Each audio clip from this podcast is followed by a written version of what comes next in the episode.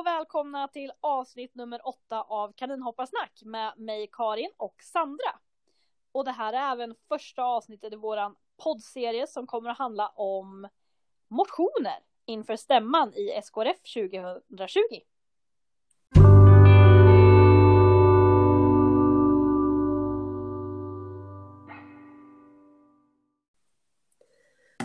Är vi på det igen då Sandra. Det blev en liten extra paus här efter det förra avsnittet. Ja, eller ja, vi kan väl i ärlighetens namn säga att det är nog jag som har pausat lite.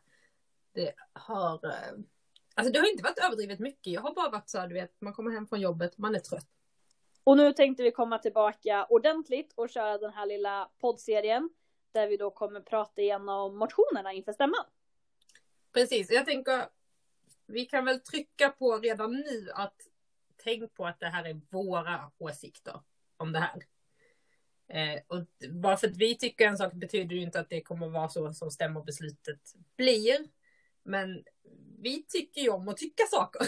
att, eh, och det har ju heller ingenting att göra med vilka som har skickat in motionerna heller, att vi inte håller med bara så, utan och vi vet ju inte ens vilka som har skickat in motioner. Alltså det är ju inga påhopp eller sådana saker, utan det här är ju våra sätt att få bolla lite grann vad, hur vi ser på saken och kanske ge andra en annan synvinkel än vad man har tänkt på tidigare. Ja men verkligen. Eh, men som du säger, vi vet inte vem som har skrivit vilken motion eller vilka som har skrivit. Eh, vi har tagit de här från Melina la ju upp en Facebookgrupp där hon la ut allihopa och jag tycker det var en rolig idé att se just eh, andras åsikter och tankar. Men det man också ska tänka på, som jag tror både du och jag, du och jag har råkat ut för när man har suttit på en stämma, det är ju det här att när väl motionsskrivaren får säga sin sak så kan det ibland vara, jaha, är det så du menar? Liksom. Att, ibland kan det bli svårt att få ner det i pränt på ett papper. Så det vi tror idag att vi ska tolka det, vi hoppas att det är ganska tydligt, men det kanske inte är så sen när man väl sitter på plats. Och det kanske faktiskt inte är så man då hade valt att rösta i slutändan, utan det här är ju åsikterna när man läser igenom egentligen första gången.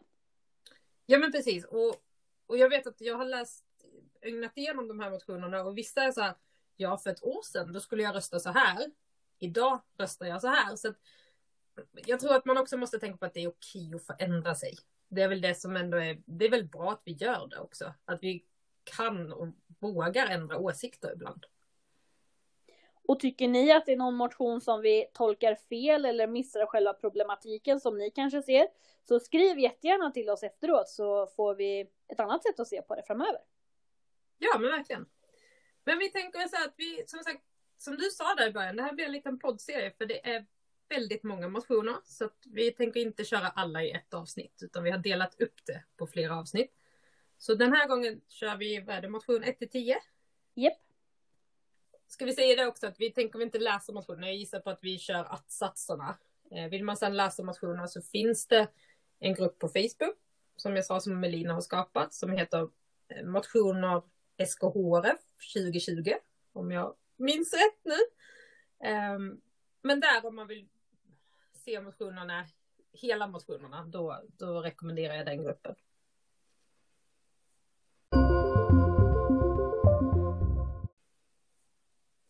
Och då hoppar vi väl rakt in då. Motion nummer ett handlar om ökade krav för att bli champion. Och att-satsen föreslår då att eh, kanin som tagit tre certifikat i samma gren i minst tre olika regioner eller fem certifikat i samma gren i två olika regioner erhåller championat. Så det är alltså att öka bredden på vart man har tagit sina cert eller att man ska ha tagit fler set innan man blir champion. Precis, och idag är det ju så, jag tänker om det är någon som inte vet, så för att bli champion i en bangren eller höjd och längd så ska man ha tagit tre certifikat i minst två olika regioner. Vad tycker du Karin? Alltså min tystnad brukar ju betyda att jag är väldigt kluven eh, generellt och eh, Alltså motionen skriver just om att vi har fler champions ute på banorna och att vi har duktigare kaniner eh, och många som syns på banorna och tävlar regelbundet och då att statusen skulle ha blivit lägre på en championtitel idag för att den skulle vara lättare att få. Och där vet jag faktiskt inte om jag håller med riktigt. Min spontana tanke är nog att det känns som att det här gynnar det som åker runt mycket. Medan det som kanske inte har möjlighet att resa runt lika mycket, det är de personerna som inte längre kommer kunna få en championtitel på sina kaniner. Och någonstans så måste vi också komma ihåg att det är trots allt en, en ungdomssport. Vi har många som är unga som inte har möjlighet att kanske föräldrar kan skjutsa för att de inte har körkort själva. Man kanske inte har körkort eller möjlighet att kunna resa runt. Så att visst, man skulle ju då kunna ta fler set.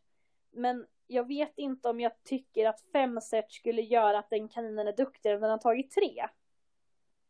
Det är nog där dit jag vill komma med den där långa utläggningen.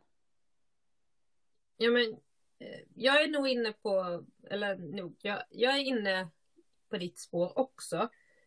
Um, och jag, jag, kan väl bara säga till mig själv, för oftast är det ju så också när man tycker en sak om en motion så är det ju man tar sina personliga erfarenheter. Och jag i dagsläget är inte heller ute mycket.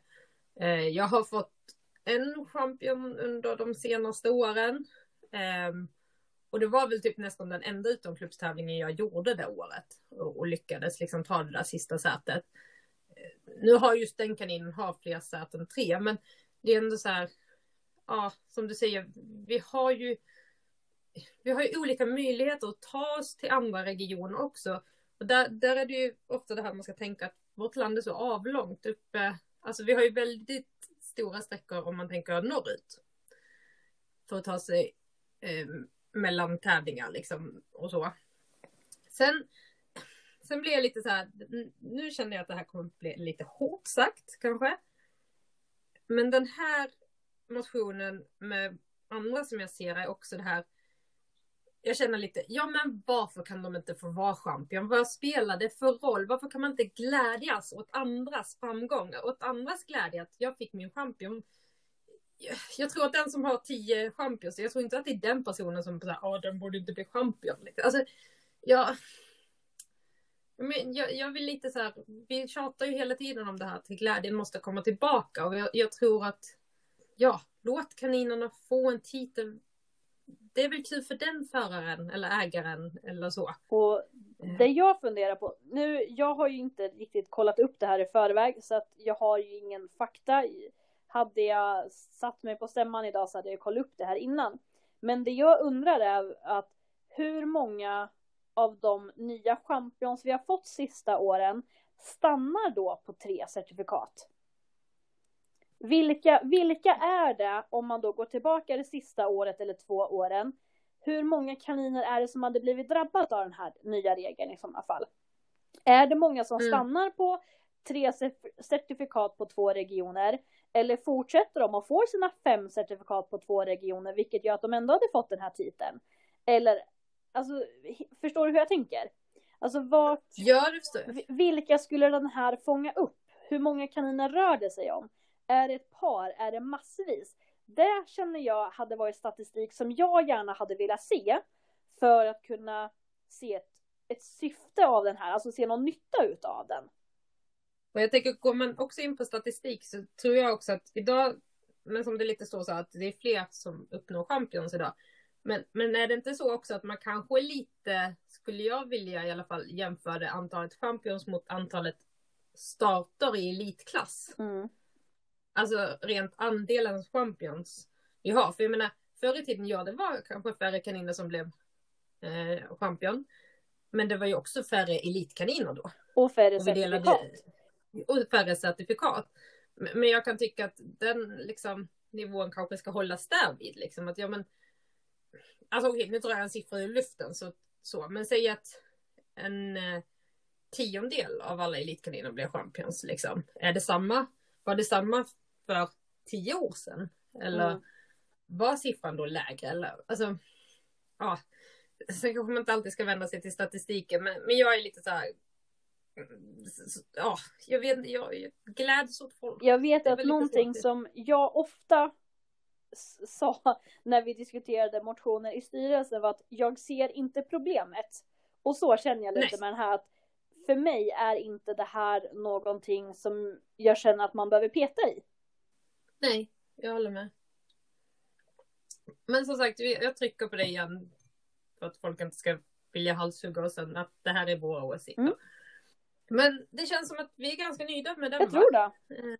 Jag hade röstat avslag kom jag fram till.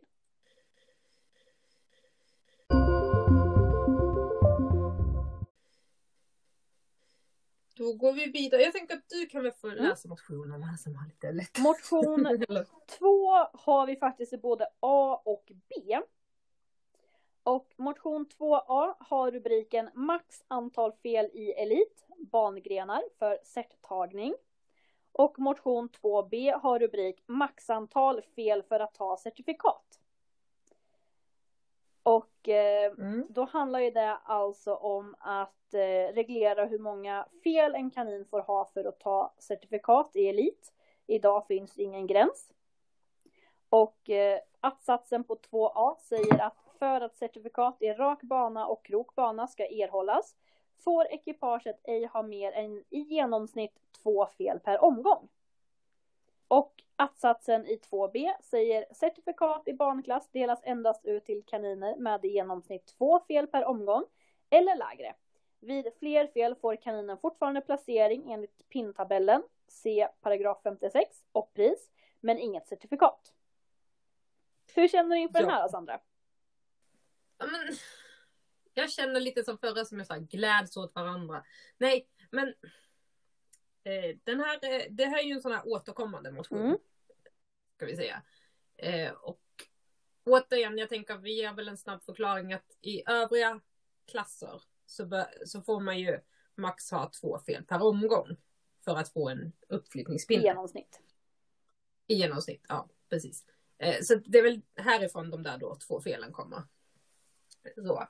Eh, det som jag vet när jag satt på en stämma en gång och tänkte på det, liksom stod valet och kvalet jag skulle göra, då kom det fram ett argument som jag tycker är väldigt bra.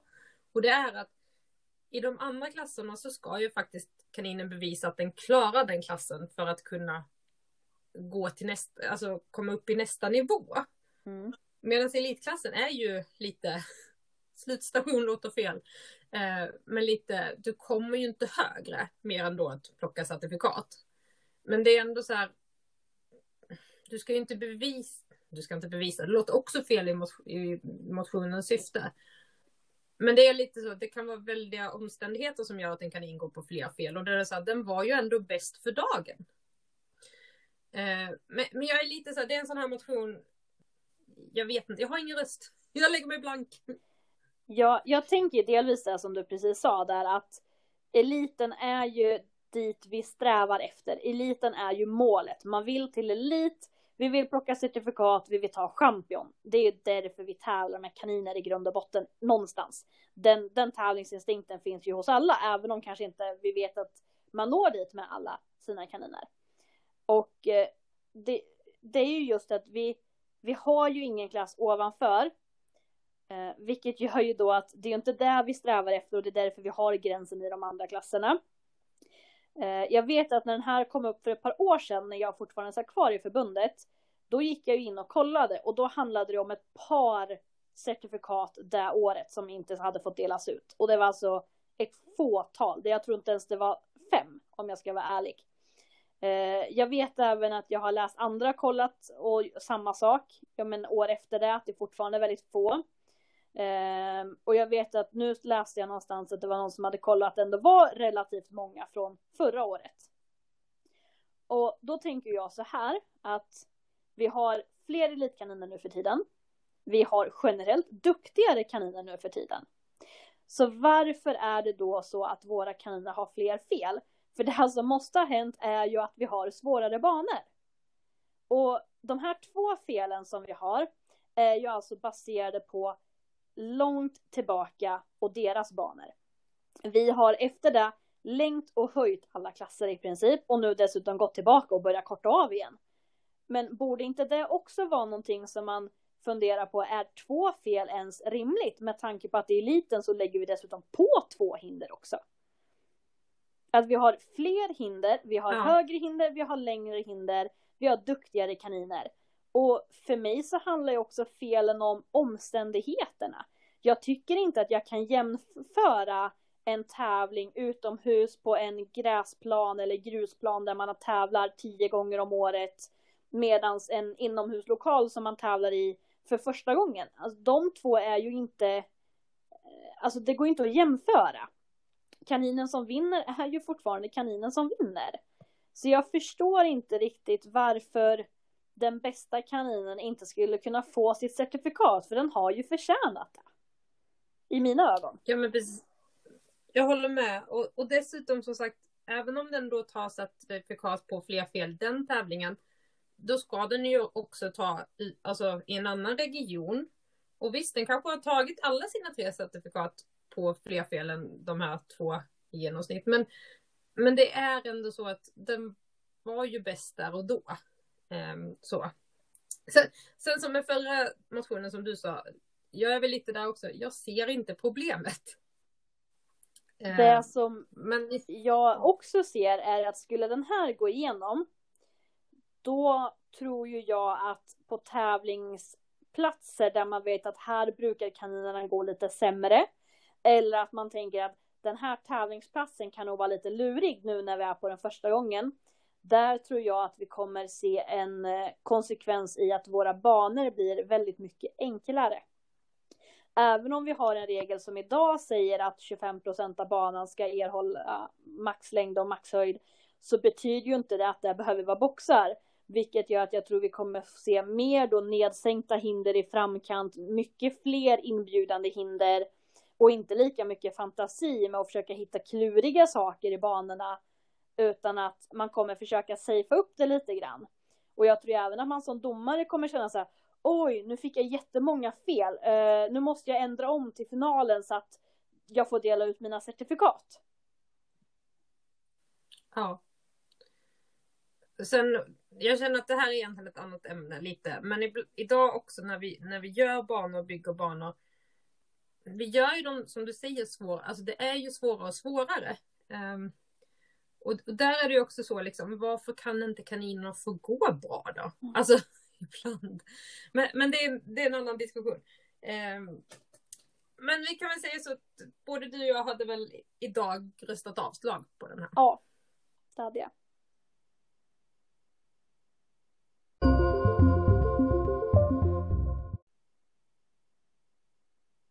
Och då kommer vi in på motion nummer tre. Och den heter Cert delas ut på slutna klubbtävlingar. Och att-satsen handlar, eh, eller att-satsen är certifikat kan delas ut även på slutna klubbtävlingar. Kort och koncist. Enkelt, precis. Ja. Och idag är det ju som så att har man en klubbtävling, alltså att klubben arrangerar bara en tävling för sina egna medlemmar, Eh, Eh, då kan det ju delas ut uppflyttningspinnar i övriga klasser, men just i eliten får man inte dela ut certifikat. Och det är alltså det som den här motionen vill ändra på. Hur tänker du? Precis. Ehm, det här är en av de motionerna som jag, eh, om jag bara hade röstat för min egen del, nu gör man ju inte det på en stämma, man är ju ett ombud för sin klubb. Men säg nu att jag hade fått rösta rent personligt, då hade jag nog antagligen lagt den rösten blank. För att jag vet inte, det, det är absolut okej. Okay. Samtidigt så, ja, kanske inte, ja. Nej men så, jag hade nog lagt mig blank där. Så. Jag har ingen åsikt. nej men så. Jag känner lite liknande faktiskt. Eh, nej men alltså jag tänker så här att eh, jag förstår själva brödtexten till den här motionen. För det står ju att ibland kan ju även en vanlig tävling vara att det bara är klubbekipage. Och varför ska då det certifikatet räknas men inte på en klubbtävling till exempel? Och så den delen köper jag ju verkligen. Och, och samtidigt säger jag så här, ja, fast man ska inte heller kunna försöka låsa in det till bara klubben.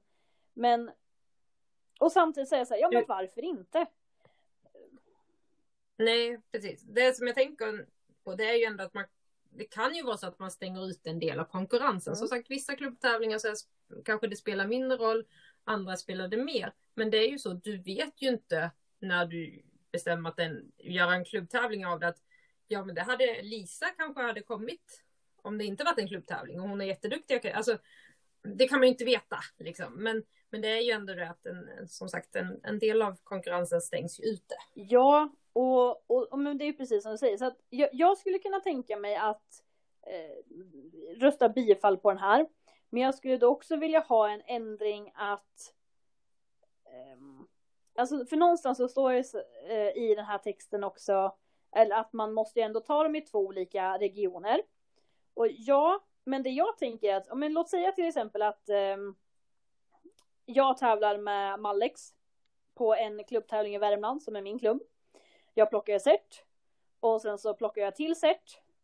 Och sen så säger vi att jag är också på en klubbtävling då, så nu har jag två certifikat på klubbtävlingar i Värmland. Och sen tänker jag så att nej men jag, jag behöver nog fokusera mer på jobbet nu så jag eh, registrerar över honom på dig Sandra. Och mm. sen tävlar du på en klubbtävling i eh, Stockholm. Precis. Då har han helt plötsligt tre certifikat i två olika regioner. Alla tagna på klubbtävlingar. Det skulle inte jag känna i sådana fall skulle vara okej. Så i sådana fall jätte... skulle jag vilja ha att det bara får vara, ja men alltså alla certifikaten för en, en titel får inte vara från klubbtävlingar i sådana fall. Ja, det, jag har inte ens tänkt på det, men jätteintressant eh, vinkel på det. Absolut. Eh, men som sagt, i, idag, jag lägger mig blank. Det är nog. Och jag hade kunnat tänka mig att rösta bifall med ändring i sådana fall. Eh, och framförallt så skulle jag ju vilja se, men lite så här, det här är en sån här motion som jag skulle kunna tänka mig att rösta bifall på för att se vad som händer under ett år. Och sen i sådana fall eventuellt kunna justera den.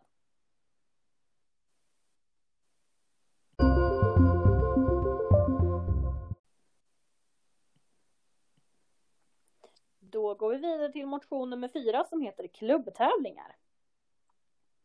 Och då har vi en att-sats som säger att eh, på att-sats nummer ett varje klubb får arrangera max fem slutna klubbtävlingar per år. Och två, minst varannan tävling måste vara en vanlig tävling. Och idag så är det max två klubbtävlingar per år. Precis. Så att upp till fem så är det ett hopp. Ehm, det är ett ganska stort ja. hopp. Ja. I... Det här är också en sån motion tror jag som hade jag som jag var för ett år sedan varit med i en annan klubb. Eh, då hade jag säkert kunnat tycka att det var skönt bifall. Idag så skulle jag säga absolut avslag på den. Jag tycker att fem är alldeles för många. Eh, jag tycker att klubbtävlingen är en jättebra tanke på många sätt. För jag tror att många klubbar kanske ibland känner press att arrangera och, och det är skönt att få ha de här lite mysfaktortävlingarna. Nu säger inte jag att en vanlig tävling inte kan vara det. Eh, men det, det, kanske blir lite mindre stress och press. Um, men det... Jag känner inte att det får bli för många av dem, för det är ju ändå, vi, vi ska ju ha en öppen... Vad ska vi säga? Öppen konkurrens. Nej men att det blir ju att man stänger folk ute. Vi, återigen. vi är ju ett förbund. Och någonstans så är vi ju medlemmar i förbundet våra klubbar är ju egentligen bara ett medel för att kunna hjälpa till och arrangera det på olika platser runt om landet. Precis. Det som jag tänker är ju att eh, om man tittar lite grann i själva brödtexten så står det ju att eh, klubbtävlingar stärker sammanhållningen. Och att det blir lättare att planera för man vet ungefär hur stort det kommer vara i förväg. Eh, I och med att vi vet att det inte kan komma. Alltså för man vet ju aldrig. Arrangerar man en tävling kan det lika gärna komma två utomklubb som 22 utomklubb. Så det är klart att det blir varierad storlek.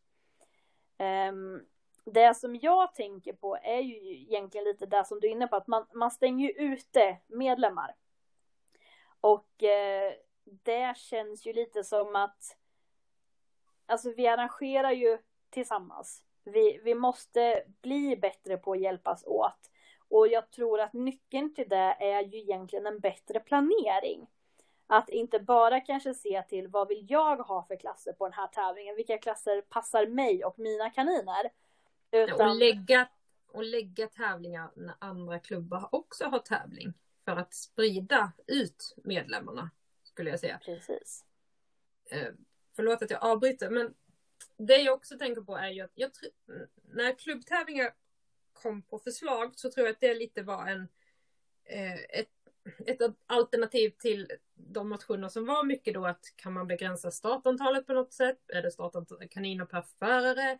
Är det antal startar per förare eller är det de tio första typ som anmäler sig? Så jag tror att det här var ett alternativ till dem.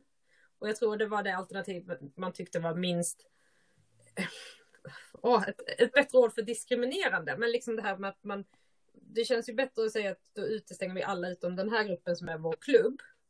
Än att nej, du får inte åka med dina 20 kaniner utan bara 10 eller nej, du var sen på att anmäla så du kan inte åka. Så då tyckte man nog att det här alternativet var det bästa.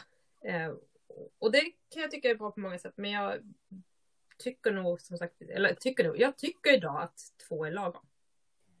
Ja, jag tror nog också det och nu, jag har faktiskt inte kollat riktigt hur många klubbar som faktiskt utnyttjar båda sina klubbtävlingar. Och en som alla klubbar har arrangerat någon klubbtävling. Men det vore också lite kul att utvärdera lite hur, hur det här har upplevts. Och då tänker jag både för styrelsen, alltså själva kanske kärnan i arrangemanget tänker jag. Det skulle även vara intressant att veta hur medlemmarna har upplevt klubbtävlingar. Och samtidigt så skulle jag också vilja se hur många av medlemmarna har någon gång tänkt åh, den där tävlingen passar mig jättebra. Gått in på den för att se sen, jaha, det var en klubbtävling hos någon annan klubb. Så att jag skulle vilja ha lite det också, men jag känner lite att jag tror att det här går verkligen emot förbundskänslan. Att vi någonstans ska vara medlemmar tillsammans och inte bara se till sin egen klubb även om sammanhållningen i klubben är jätteviktig så är även sammanhållningen mellan klubbar och mellan medlemmarna ännu viktigare idag när vi faktiskt har ett relativt kyligare klimat med tanke på att det blir lätt diskussioner via sociala medier och liknande. Hur många tävlingar arrangerar en klubb i snitt idag? Uh, vad kan det ligga mellan? 10 till 20? Alltså jag vet inte, jag, jag är nog på fel klubba liksom. Kan det vara för den här motionen baseras egentligen på att du skulle kunna arrangera 10 tävlingar på ett år varav fem klubbtävlingar. Mm. Precis, och 10 tävlingar, ska man räkna rätt, det är ungefär en i månaden. För jag tänker så här, mm. det går ofta bort två månader kanske. För tävlingsuppehåll.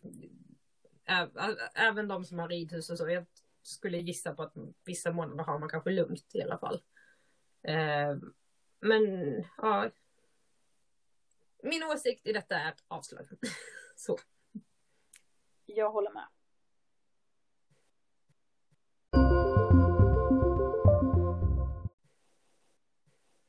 Då hoppar vi in på motion nummer fem. Och där har vi en ändring av paragraf 95. Vet du vad paragraf 95 är för någonting? Eh, det är paragraf 95. Ja, precis. Den kommer efter 94. Ja, men gud, just ja, det gör det. Shit, vad bra. Du kan. Jag vet. Eh, att-satsen säger att ändra paragraf 95 till följande formulering. Det är endast tillåtet att anmäla kanin till klass den vid tävlingstillfället har rätt att starta. Hinner kaninen klassa upp sig innan aktuell start är arrangörsklubben skyldig att ta emot ändring av anmälan. Och det här bas- Och det är, en, ja. det är ändrat ett ord i den attsatsen mot vad den är idag va? Nej, det är lite mer. Är det fler ändringar? Ja, Okej. precis. Eh, det är ju, idag så är ju den baserad på att du endast får anmäla kaninen till den klass den vid anmälningstillfället har rätt att starta. Medan ändringen har ju med tävlingstillfället att göra. Och skillnaden på den formuleringen ska ju då ha att göra med att om jag idag har en kanin som fyller fem månader på fredagen innan tävlingen. Då är ju inte den berättigad att starta vid anmälningstillfället. Nej, Och då ska ju det i sådana fall täckas upp ända till tävlingstillfället. Eh, och sen så är det även ett ord borttaget i den där slutformuleringen då. Att Okej. man ska kunna ändra. Det som jag tänker är ju att Alltså anledningen att vi har formuleringen som vi har idag är ju att det var en tid då folk var så här, ah, nästa tävling är det ingen lättklass. Men jag är säker på att min kanin kommer gå upp innan så jag anmäler den till medel ändå. Mm. Och jag tänker ju att det kommer jag kunna göra igen då med den här formuleringen. För om jag är säker på att den går upp, då är den ju tillåten att, att anmälas för att den kommer ha den klassen vid tävlingstillfället. Det är väl det idag som jag tänker, då är ju skillnaden att idag har vi ett system som... Och det jag tänker egentligen är ju att den formuleringen vi har idag, alltså på något sätt så känns det som att det är två problem vi försöker komma åt med samma formulering egentligen. Att vi kanske borde ha en mening som i sådana fall hör till själva vad får jag anmäla den till för klass? Och sen den andra som då gäller själva åldern. För vi har ju åldersgränser när det gäller ja, med flera klasser idag med svår och elit också. Att det kanske är att den formuleringen vi har idag kanske skulle funka med i sådana fall ett, eh, en ändring att med undantag för åldersgränser. Alltså eller liknande. Nu kanske just det var en Ja. dålig ändring. Men att det kanske egentligen den delen man vill komma åt. Mm. Ja. ja, men jättebra input. Jag är just nu så här, ja, ja, bifall. Nej, men, men det säkert så. Ehm, För har den rätt att starta om den har gått upp innan tävlingstillfället, ja men då har den ju gått upp. mm. Ja, men precis. Alltså, jag... Ja. Exakt. Så att jag tycker att egentligen vill jag ju ha att det endast tillåtet att anmäla en kanin i den klass den är klassad vid vid anmälningstillfället och uppfyller ålderskrav för vid tävlingstillfälle. Det är där vi är ute efter. Du är så duktig på att formulera saker. Det där var en jättedålig formulering, men det är de två delarna vi vill komma åt i alla fall med den här.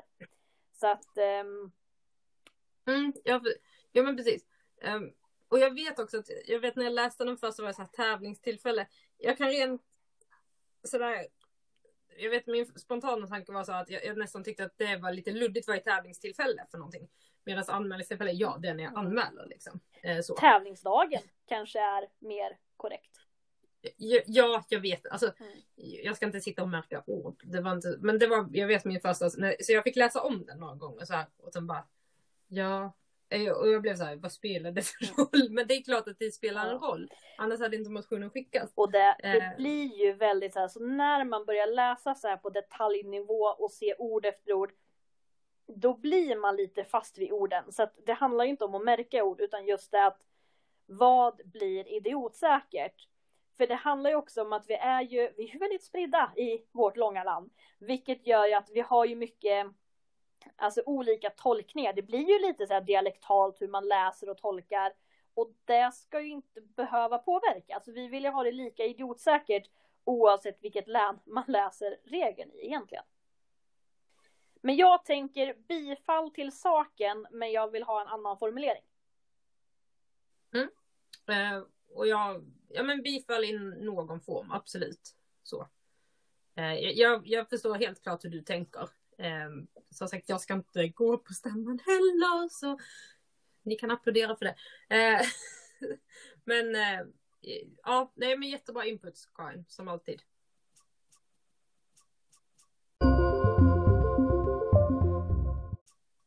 Då kör vi motion nummer sex. Flytt av utländska kaniners klassning och pinnar. Och att-satsen säger då att för kanin som tidigare tävlas i ett av SKRF godkänt utländskt förbund och sedan svenskregistreras får klassningen vid ett tillfälle flyttas över i sin helhet. Och att-sats nummer två att ett aktiveringscertifikat krävs för att kaninen ska få starta med sin titel. Jag har en fråga direkt. Ja. Tog inte vi bort allt det här med godkänd av SKHF godkända Jag hade för mig det. en gång i tiden? Jo. Ja. För att det är Eh. ingen som vet vad som är ett godkänt förbund av SKHF. Det kanske finns en lista idag, då får någon gärna skicka mig en pekpinne på det och säga ajabaja, det gör det. Men jag vet att när vi röstade bort alla de där så var det så här, för det finns inget sånt. Nej, Så. precis. Um, Eh, Men jag, jag förstår vad, de vill ju åt, skulle tro mestadels norska, danska kaniner, men även andra. Från Mm. utländska kaniner helt enkelt. Och det som är idag är ju att jag får ju vid ett tillfälle, eller men sen när jag registrerar över den så får jag ju med klassningen. Men då får jag ju inte med titlar, alltså jag får inte med certifikat och jag får inte heller med pinnar. Så är en kanin svårklassad med fyra pinnar så blir den svårklassad i Sverige. Mm. Återigen en sån här motion. I och med att vi pratar personligt så jag är inte, det är ju lite så också så här, jag är inte drabbad av det här och då kanske jag, min åsikt är lite såhär, ja, jag vet inte, rycker på axlarna och bara bifall, avslag. I don't care. Alltså gud, det låter så fel att säga, folk kommer att döda mig för det här. Men, eh, men jag förstår att folk som har köpt och så, att, absolut att det är viktigt för dem. Um, jag, jag vet inte ska jag säga sådär rent. Jag förstår den första det här med att den ska föras över. Jag tänker nog mycket mer på den andra det här med aktiveringscertifikat. Eh, så. Som är något mer nytt. Precis, och det... Alltså jag tänker, för vi öppnade ju upp att man skulle kunna få räkna pinnar som är tagna utomlands. Så jag förstår ju också då att man tycker att pinnarna borde följa med klassningen. Men jag, jag tror kanske lite att mm, min osäkerhet ligger i det här som jag började fråga. Vad är ett SKHF godkänt Mm. förbund? För att jag vet när vi satt i styrelsen, vi började kolla på det, men jag som sagt återigen rätta mig en lyssnare om ni har mer information än vad jag har just nu. Men det slutfördes aldrig och det är liksom så här, finns det en ordentlig jämförelse? Precis, Vi, vilka länder ska det vara okej, vilka länder ska inte vara okej? Och vad ska man basera det på? Hur stor skillnad får det vara från oss när det gäller höjd och längd och liknande? Ja, precis. Och höjd och längd säger ju egentligen inte allt. Alltså, det är ju hela eh, kompositionen av en bana. Att de Mm. också har 50 högt och 80 långt. Ja, men är det bara ett hinder på banan som är, Mm. alltså, förstå lite hur jag... Och ja, nej alltså jag, jag förstår tanken eh, jättemycket. Men jag, jag, alltså jag blir ju också lite så här. Alltså jag tänker att om jag köper en kanin som är högre klassad, oavsett om vi pratar lätt, medel, svår eller den har pinnar i alla fall. Då tänker jag att det här är alltså en kanin då som har tränats upp med någon annan. Och jag vet att det brukar ta ett tag innan man blir ett team. Gör det då något om jag måste jobba i en klass och bli ett ordentligt team med den här innan jag kommer till den högre klassen? Nej, jag är faktiskt lite inne på samma Och- tanke. Och Precis. om någon undrar så här, ja fast du vet inte hur det är för du har inte köpt en kanin utomlands. Nej, men jag har börjat om med mina kafkaniner från noll innan den möjligheten fanns att lägga över. Så jag har varit den som har fått gå över med elitkaniner från KAF för att sen i SKRF börja om i lätt och ta upp dem hela vägen. Så att jag vet exakt hur det är att börja om totalt med kaniner. Och det tyckte jag var surt. Okej, Men skillnaden där är ju att då blir det så stor skillnad i klass. Hade jag kunnat få komma in i bara klassen under hade jag tyckt att det var helt okej. Men det kanske är just det, att jag kanske jämför med mig själv och hur jag upplevde det. Och inte riktigt ser problemet mot idag i sådana fall. Nej. Och jag tänker lite där på den andra med certifikat. Då är jag, jag tänker också... Jag kanske har fel. Men jag tänker det kanske idag också... Åh, jag kan nog vara jätte ute och cykla. Men att tar man över en kanin som är Great Champion men den kanske inte ens ska tävlas här. Den kanske förs hit för att den ska gå i avel. Mm. Då är det också så här, ja då tappar den sin titel. Och det kan ju absolut spela roll för aveln tänker jag. Men då är det ju Mm. också svårt att kanske ta ett aktiveringscertifikat. För att den är kanske så pass gammal att den startar inte längre. Ehm, så. Och jag, Och där kommer ju också egentligen en annan grej in. Och då kommer jag ju tillbaka lite på det här med certifikat på klubbtävling. Räcker det i sådana fall med ett certifikat på en klubbtävling om det röstas igenom? Ska det vara godkänt för ett aktiveringscertifikat? Bra fråga. Nu, nu börjar jag krångla till det här. Ja, nu, nu blir det mycket att hålla reda på. Nej men så det är lite sådana saker man också behöver ta ställning till. Men spontant skulle jag vilja veta mer vilka förbund det skulle vara okej ifrån innan jag faktiskt ger min röst. Ja. Agree.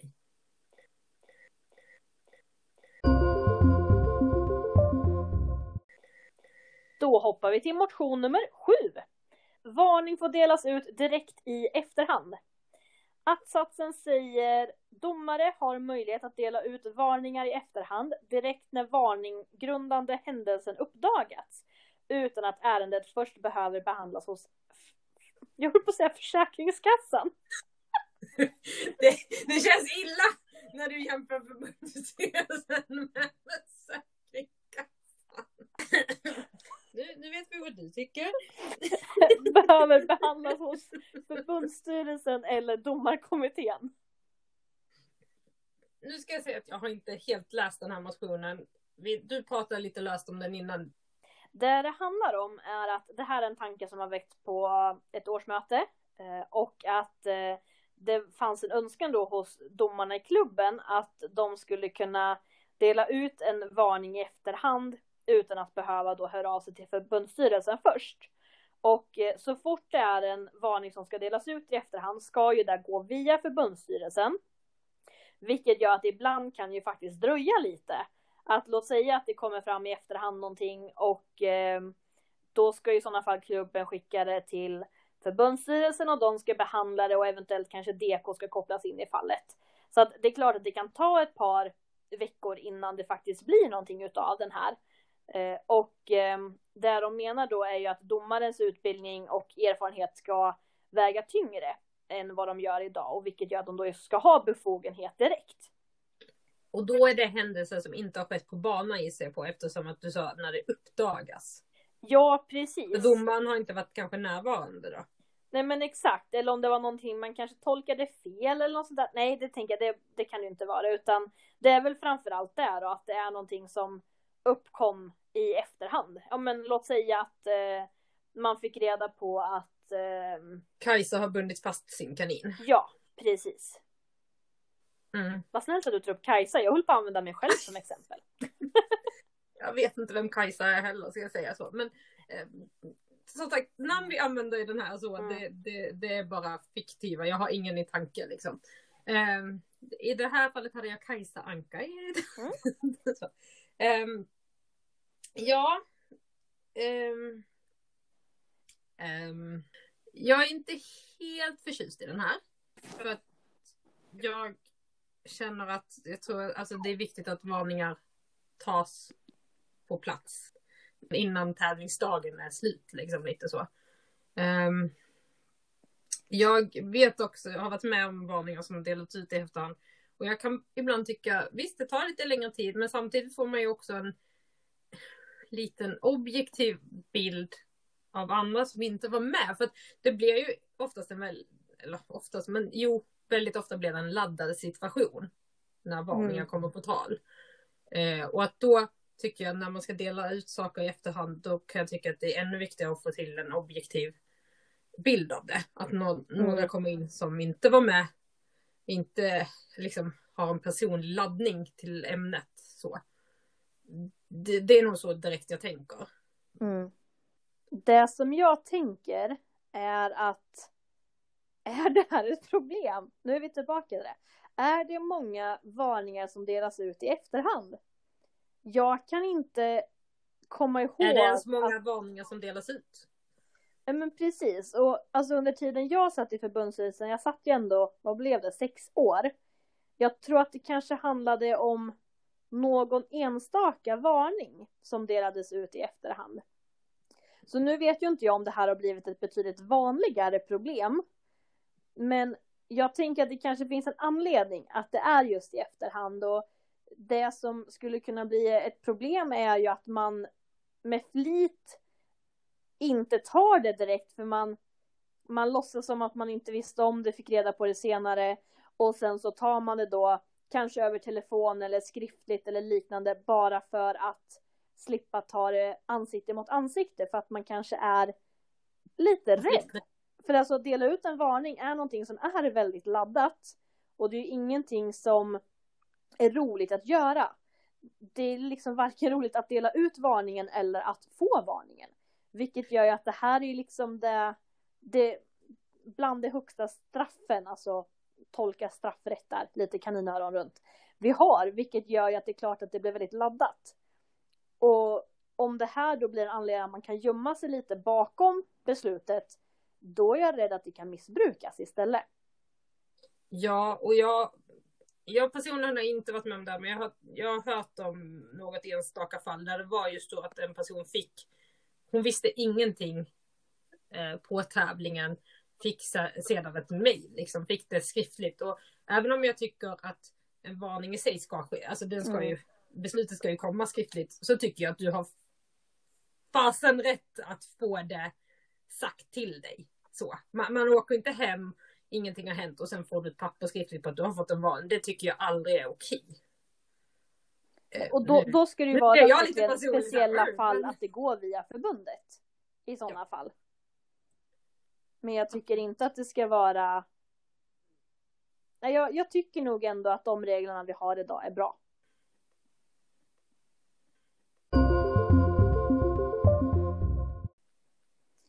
Och då är vi framme på motion nummer åtta som handlar om starttid för tävling. Att-satsen är jättelång, fyra att-satser. Oh, Jäkla idiot som har skrivit den! Och Sandra. Jag älskar att-satser, okej. Okay. Ja, eh, men då håller vi på att-satserna. Att-sats nummer ett. Starttid skall ingå i tävlingsprogrammet och följa gällande regler för annonsering av tävling. Att-sats nummer två. Om starttiden ändras får detta senast ske dagen efter sista ordinarie anmälningsdag. Att-sats nummer tre. Starttid får en endast ändras senare än dagen efter sista ordinarie anmälningsdag om särskilda skäl föreligger. Om starttiden ändras skall klubben försäkra sig om att samtliga tävlingsdeltagare mottagit informationen. Och jag tänker Sandra får prata lite om den här i och med att den ligger henne ganska varmt om hjärtat. Ja, precis. Um, ska vi säga att jag, jag kontaktade dig också när jag skrev den för att få eh, konstruktiva eh, råd, liksom hur jag skulle, skulle skriva och formulera mig, för du är extremt duktig på det. Eh, men utifrån mig själv, för det är ju ofta så kanske en motion kommer till, så ehm, jag har ju det så att jag har jag åker kommunalt till tävling och mina bussar går extremt dåligt på helgerna. Så jag har faktiskt möjlighet att sova på ett annat ställe. Eh, men då har jag varit med vid ett antal tillfällen när olika klubbar som jag har liksom anmält mig till och ska tävla hos varit sent ute med ändringar av starttid. Och ibland till och med när man har anmält så har det faktiskt inte ens funnits en starttid uppskriven. Och då blir jag lite så här, men säg att jag anmäler sin tävling och så står det ingen starttid. Då i mitt huvud tänker jag direkt att starttiden borde vara nio. Och så, tänk, så tittar man på startantalet när anmälningstiden har gått ut och så tänker man, nej men den här är nog klar vid två, tre. Ja men vad bra, då hinner jag med min sista buss hem. För att som sagt, bor man ute på landet då går sista bussen hem typ halv sex. Och sen så eh, har det skett någon gång till och med att jag fick ett välkomstbrev kvällen innan att när vi flyttar fram starttiden till klockan 11 eller 10. Och då hade jag liksom kunnat för min egen skull faktiskt fått sova hemma. Jag hade hunnit med min tidigaste buss in till stan. Så att den här kommer väldigt mycket för att för mig är den personlig. Så. Men, men jag inser också att jag tror inte att jag kanske själv är drabbad och att jag någonstans tycker att det ska vara krav på klubbarna att en starttid måste vi ha. Vi måste, jag tycker att man ska veta det när man anmäler vad som är tänkt till en starttid. Mm. Och det, för mig som har blivit lite lat med åren så kan jag känna att är det en tävling lite halv längre bort så kanske man valt bort någon som startar nio för att om då orkar jag inte pendla samma dag till exempel. Så att jag tycker att, det, att starttid ska finnas med och det är nog någonting som jag egentligen har sett som en självklarhet att det ska stå i anmälan. Det är liksom inget, inget snack om saken. Alltså det är så jag alltid har tänkt det och tolkat det. Och det tycker jag också, men, men som sagt jag ser att det slarvas kanske är fel ord, jag vet inte, i och med att reglerna kanske är otydliga där. Eh, men ja, men jag upplever ofta, ofta att det kan vara så att det inte står eller att det ändrats i sista sekund. Mm. Det står ju det i brödtexten i den här motionen just att vi, vi har ju olika sätt att resa på. Vi har ju olika långt till tävlingar. Och jag tycker Alltså så här, det är fel att argumentera för en motion i kaninhoppning att jag vill göra annat efter kaninhoppningen. Men det kan ju vara så att man kanske har planer med familjen efter. Alltså många är ju ändå uppe i den åldern att man har familj och kanske vill hem till dem. Eller, om man, eller oavsett vilken ålder så har man en familj och de kanske tänker att vi ska åka till mormor då, sen efter. Så att, det finns ju annat också liksom. Eh, så att, ja, men lite för att kunna veta. Eh, så.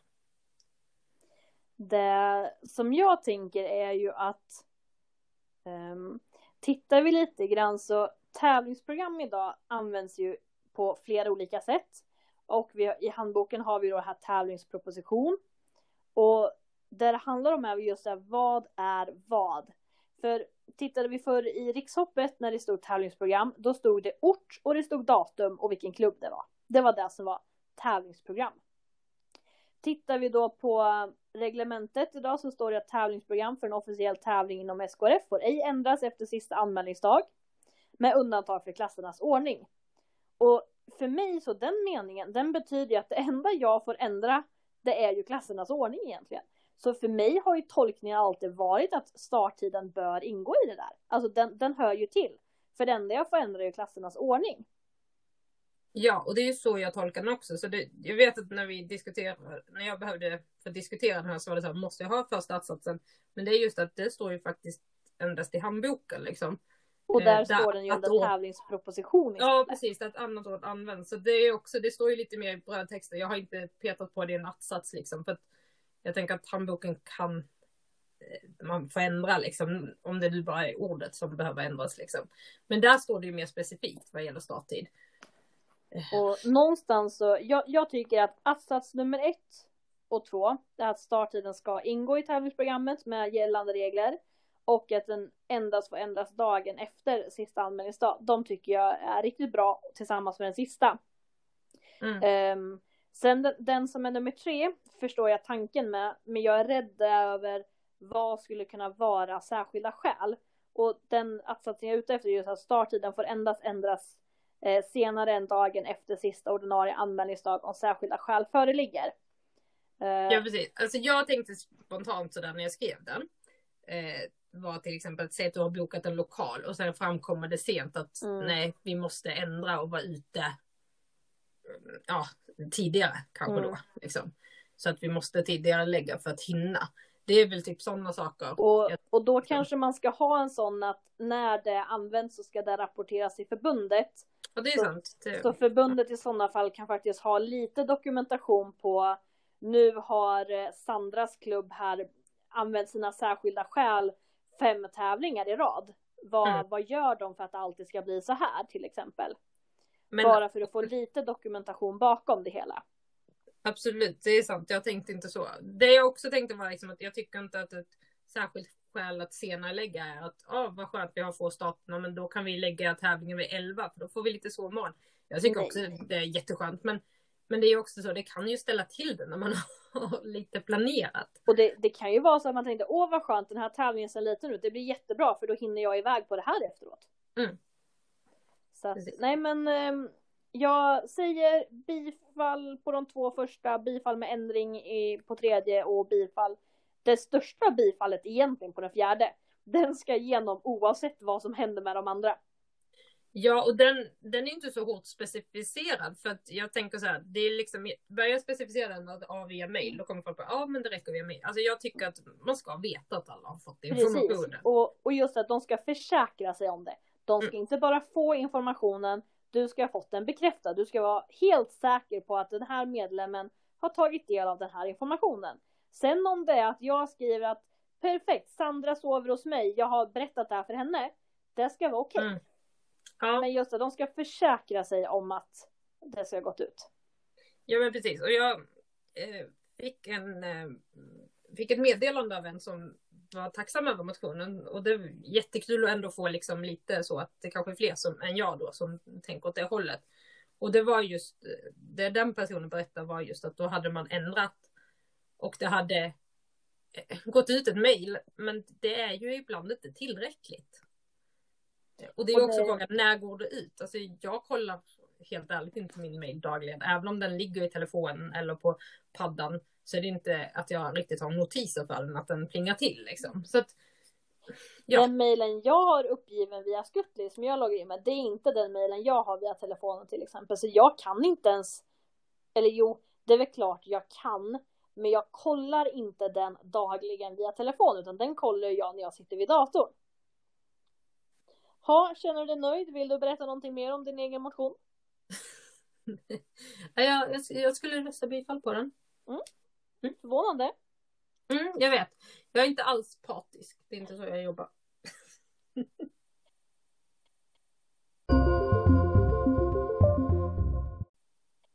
Eh, motion nummer nio sen är ju faktiskt en liten eh, en polare till förra och den handlar om tävlingsprogram. Och att-satsen säger att vi ska få in en tolkning på vad tävlingsprogram är. Och det här är ju egentligen ett exempel på en motion som inte skulle kunna röstas igenom. För att den att-satsen så som den är skriven är, är ingenting man kan lägga in så på rak arm utan den skulle ju behöva ha lite mer, vad är tolkningen? Vem ska bestämma tolkningen? Vad är det som ska göras och vart ska det skrivas? Att är man ger helt enkelt ett förslag ändå vad som ska finnas i Precis. tävlingsprogrammet. Eh, ja, jag, jag, för- jag förstår absolut det. Och, och den hänger väl, som du säger, den hänger ju lite på med förra. Jag tror att i brödtexten på den jag skrev, där har jag ju där finns ju både liksom, paragrafen och sen så finns det ju, ja så här använder man tävlingsproposition, men jag gissar på att det är det man tänker som tävlingsprogram. Mm. Liksom. Så att det är väl där man ska in och, eh, och peta liksom. Men absolut tycker jag att, för du var ju ändå inne på det på förra, liksom att förut så var ju tävlingsprogram, det var datum och plats och klubb liksom. Så, så att visst behövs det en tolkning, men jag kan förstå att att-satsen är knepig som den är. Mm. Eh, För det, det det handlar om också är ju i brödtexten så står det att ska det vara både starttid och bedömning eller ska det vara, bara vara plats och datum? Och jag tror Mm. att det här med där det handlade om att förr så var det ju annorlunda. Det var ju egentligen för att det var ju lite innan, innan digitala tog över.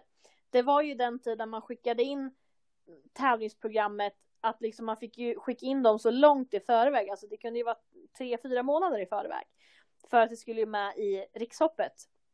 Alltså klubbtidningen, eller medlemstidningen som skickades ut förut. Och det gjorde ju att för att spara plats så var det ju bara det mest basica. Man skulle veta när klubbarna hade tävling. Det här var ju också lite mer innan den tiden det här med dubbla klasser började bli vanligt. Vilket gjorde att det var oftast bara rak alla klasser eller krok alla klasser. Eh, för nu börjar vi komma ganska långt bak i tiden när det, när det liksom var som störst egentligen också. Så att det gör ju också att det har blivit väldigt stor skillnad på våra tävlingar idag mot förr. Så är det. Och där, en tanke också jag får med den här är också så att jag tror, jag ska säga att jag själv är urdålig på det här, men jag tror ibland inte alltid att folk vet vart de ska leta informationen. För att tolk, alltså tävlingsprogrammet, det finns ju inget om det i reglementet. Vad tävling, alltså det, ordet står ju där, tävlingsprogram. Men då måste du in och leta i handboken. Och jag tror att många missar den där handboken. Mm. Och det är ju så att reglementet rör ju reglerna för tävlingen. Handboken rör ju alla andra beslut. Allting vi har röstat igenom på stämmor, allting som är bestämt av styrelsen, det skrivs ju i handboken för att vi ska ha ett lite mer lagverk och ett lite mer regelnormverk Precis. Alltså det är ju, handboken är ju ett styrdokument. för förbundet. Mm. Och sen så har vi ju reglementet för medlemmar och tävlingar. Precis. Sen kan jag rekommendera medlemmarna att läsa handboken. Det är, man får lära sig mycket. Verkligen. Så lite svårt, men jag tycker att det vore bra att det faktiskt står vad som ska innehålla i ett tävlingsprogram så att man vet vad det är man ska annonsera. Och någonstans så kanske man borde ha då via, om det här går igenom, att man faktiskt har vissa fält via Skutli där klubbarna måste fylla i och som de heller inte kan ändra utan att det krävs någonting mer så att man faktiskt kan se lite vad som har hänt. Ehm, och kanske till och med om det går att lägga in en notis i det här att om man ändrar att det automatiskt skickas ut mail i alla fall och sen att klubben utöver det får liksom försöka på övriga sätt att eh, komma åt och försöka kontakta medlemmarna som är anmälda. Ja, jag blev direkt så när jag hörde det, tänka så här, jag som, alltså bara för att gå tillbaka till en motion vad gäller starttid så den idag är ju inte ett fast fält i Skutle, liksom så, när man lägger tävlingen. Mm. Så det kanske hade varit en lösning så på det. Eh, just att man måste skriva något där. Men ja, ja absolut. Ta tekniken ha. till hjälp.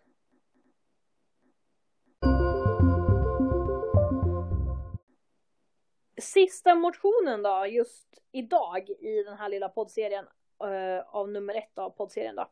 Uh, så motion nummer tio. Där har vi sista betalningsdag. Och att-satsen säger att sista betalningsdag till tävling måste vara på en bankdag där följande tre dagar också ska vara bankdagar. Ja. Jag har åsikter. Ta dem. Jag eh, har nog inte så många. Jag vill egentligen bara ha ett, ett, en ändring på det här. För att jag vill att jag vill ha en formulering som säger att startavgiften ska betalas senast sista anmälningsdagen. Punkt. Och där sa jag alltså att den ska betalas, inte vara klubben till handa. För då spelar det ingen roll vilken dag som anmälningstiden går ut på. För oavsett vilken dag den är så ska jag betala min avgift. Sen om det är en lördag och att det inte dras först på måndagen, då är det så. Är det en måndag och det dras samma sak, då är det så. Men jag ska i alla fall kunna visa att jag har betalat när jag anmälde mig. Punkt. Och det går ju idag på ganska lätt sätt att visa, visa sin betalning liksom. Och, och det är lite så här, för vissa klubbar vill ju till exempel kunna ha sen anmälningstid och då skulle de inte kunna ha det här med det. Eh, och tänker man då på efteranmälning, då försvinner det också. Då kan vi ju inte ha det i sådana fall. Det som jag tänker ju då, då att ja, men, om jag är tio år och inte betalar själv utan mina föräldrar måste göra det. Mm. Hur mycket kan jag tjata på dem? Nej men jag tänker om det är så att det där det kan bli drabbat. Samtidigt behöver man ju faktiskt inte vänta till sista anmälningsdag. Um, och det jag tänker att handlar det här om en medlem som inte är myndig, då ska ju dessutom allting gå via föräldrarna.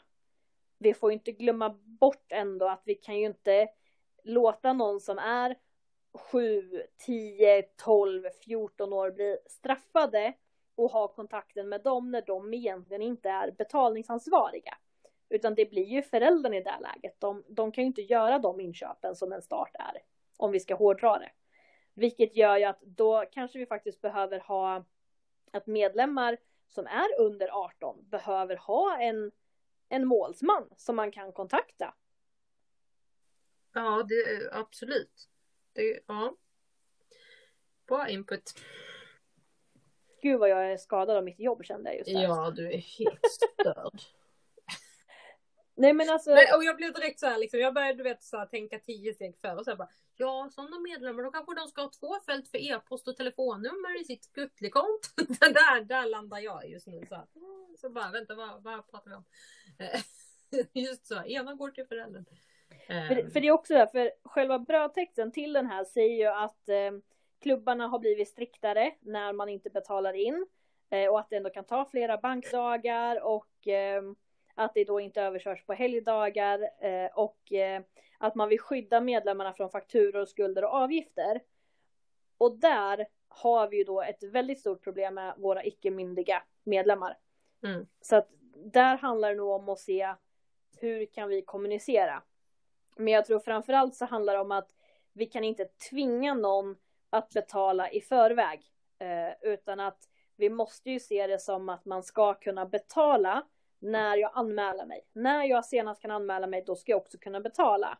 Sen om det inte går in samma dag, nej men det handlar väl inte om att klubben måste ha pengarna innan tävlingen. Det handlar väl bara om att klubben ska veta att den här betalningen är utförd. Sen jag håller kanske inte riktigt med brödtexten där att klubbarna blivit, det tror jag vissa har säkert blivit hårdare. Men idag är det, alltså det är ju väldigt ofta man ser inlägg från klubbarna, framförallt då kassörerna, att vi saknar betalningar, etc. etc. Liksom. Så att det, och, och man kan ju, Skuttli nu redovisar ju det och har man gått in, jag vet jag gick in på någon tävling någon gång och så att ja men hälften av startavgifterna är inte betalda, tävlingen är imorgon. Mm. Så att det slarvas en del. Jag tror att folk helt ärligt behöver en liten så, skärp er. Men som sagt, jag vill ha bifall med ändring. Mm. Två Jag ändringar. lägger mig inte i. blir Ja, där hade vi de tio första motionerna. Ja, och du har pratat i över en timme. Japp, jag är bra på det. Tack. Eh, som sagt, vi verkar kanske lite negativa ibland och lite så här fundersamma, men det, det är ju det som är så fascinerande med den här sporten, att vi, vi tolkar saker olika, vi ser på det olika, vi är på olika delar av landet, vi är med om olika saker. Så att är det någon input som ni känner att men det här har ni verkligen missat på den här paragrafen så skicka jättegärna det till oss och är det någonting ni undrar över som ni tyckte var konstigt, ja men då hör ni av er och sen så förklarar vi lite grann igen. Och vi poängterar ännu en gång att det här är så som vi tolkar när vi har läst det första gången.